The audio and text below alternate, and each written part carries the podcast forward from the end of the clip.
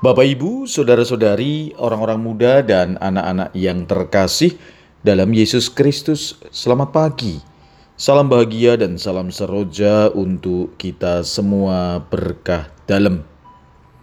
Bersama dengan saya, Romo Antonius Garbito Pambuaji menyampaikan salam dan berkat Allah yang Maha Kuasa dalam nama Bapa dan Putra dan Roh Kudus. Amin. Hari ini Senin, 20 Maret dalam Hari Raya Santo Yusuf Suami Santa Perawan Maria. Bacaan pertama dalam liturgi hari ini diambil dari kitab kedua Samuel bab 7 ayat 4 sampai dengan 5a, 12 sampai dengan 14a dan ayat 16. Bacaan kedua diambil dari surat Rasul Paulus kepada jemaat di Roma bab 4 ayat 13, 16 sampai dengan 18 dan ayat 22. Dan bacaan Injil diambil dari Injil Matius bab 1 ayat 16 ayat 18 sampai dengan 21 dan ayat 24a. Marilah kita mendengarkan Injil suci menurut Matius. Menurut silsilah Yesus Kristus, Yakub memperanakan Yusuf suami Maria yang melahirkan Yesus yang disebut Kristus. Sebelum Kristus lahir, Maria ibunya bertunangan dengan Yusuf sebelum mereka hidup sebagai suami istri. Karena Yusuf suaminya seorang yang tulus hati dan tidak mau mencemarkan nama istrinya di muka umum, ia bermaksud menceraikannya dengan diam-diam.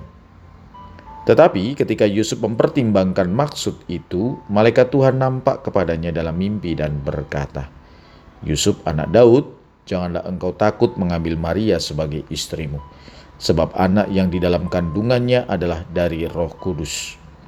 Maria akan melahirkan anak laki-laki, dan engkau akan menamakan dia Yesus, karena dialah yang akan menyelamatkan umatnya dari dosa mereka."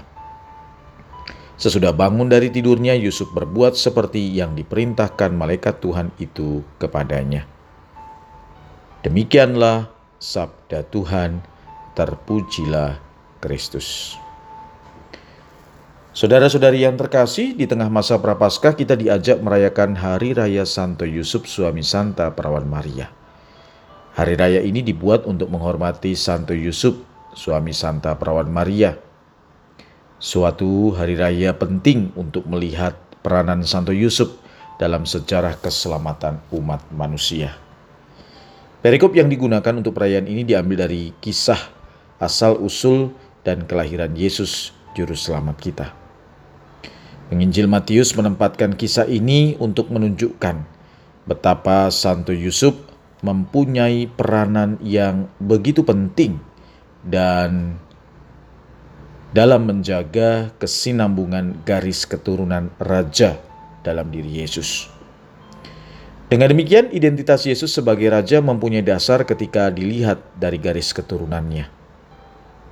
Berkenaan dengan hari raya Santo Yusuf ini, perikop ini menunjuk sisi lain dari pribadi Yusuf sebagai seorang yang memiliki jiwa besar untuk masuk dalam satu urusan yang sama sekali ia tidak ketahui atau malah melampaui daya pikirnya. Dia mesti menerima seorang anak yang bukan hasil perkawinan manusiawi dengan Maria. Menjaga citra Allah, yaitu manusia baru yang hadir, walau bukan merupakan hasil dari kehendak sendiri, merupakan nilai tinggi dari pribadi Santo Yusuf sebab hal ini membawa banyak konsekuensi lanjutan. Menjaga, memelihara, dan menjamin keberlangsungan hidup dari manusia baru merupakan tantangan untuk kita pada masa sekarang ini. Hal ini disebabkan oleh sekian banyak peristiwa yang menunjukkan bahwa manusia, gambaran atau citra Allah itu diinjak-injak martabatnya. Malah lebih keji dimusnahkan. Peristiwa-peristiwa tersebut yang hampir setiap hari kita dengar, dilaporkan, terjadi di mana-mana.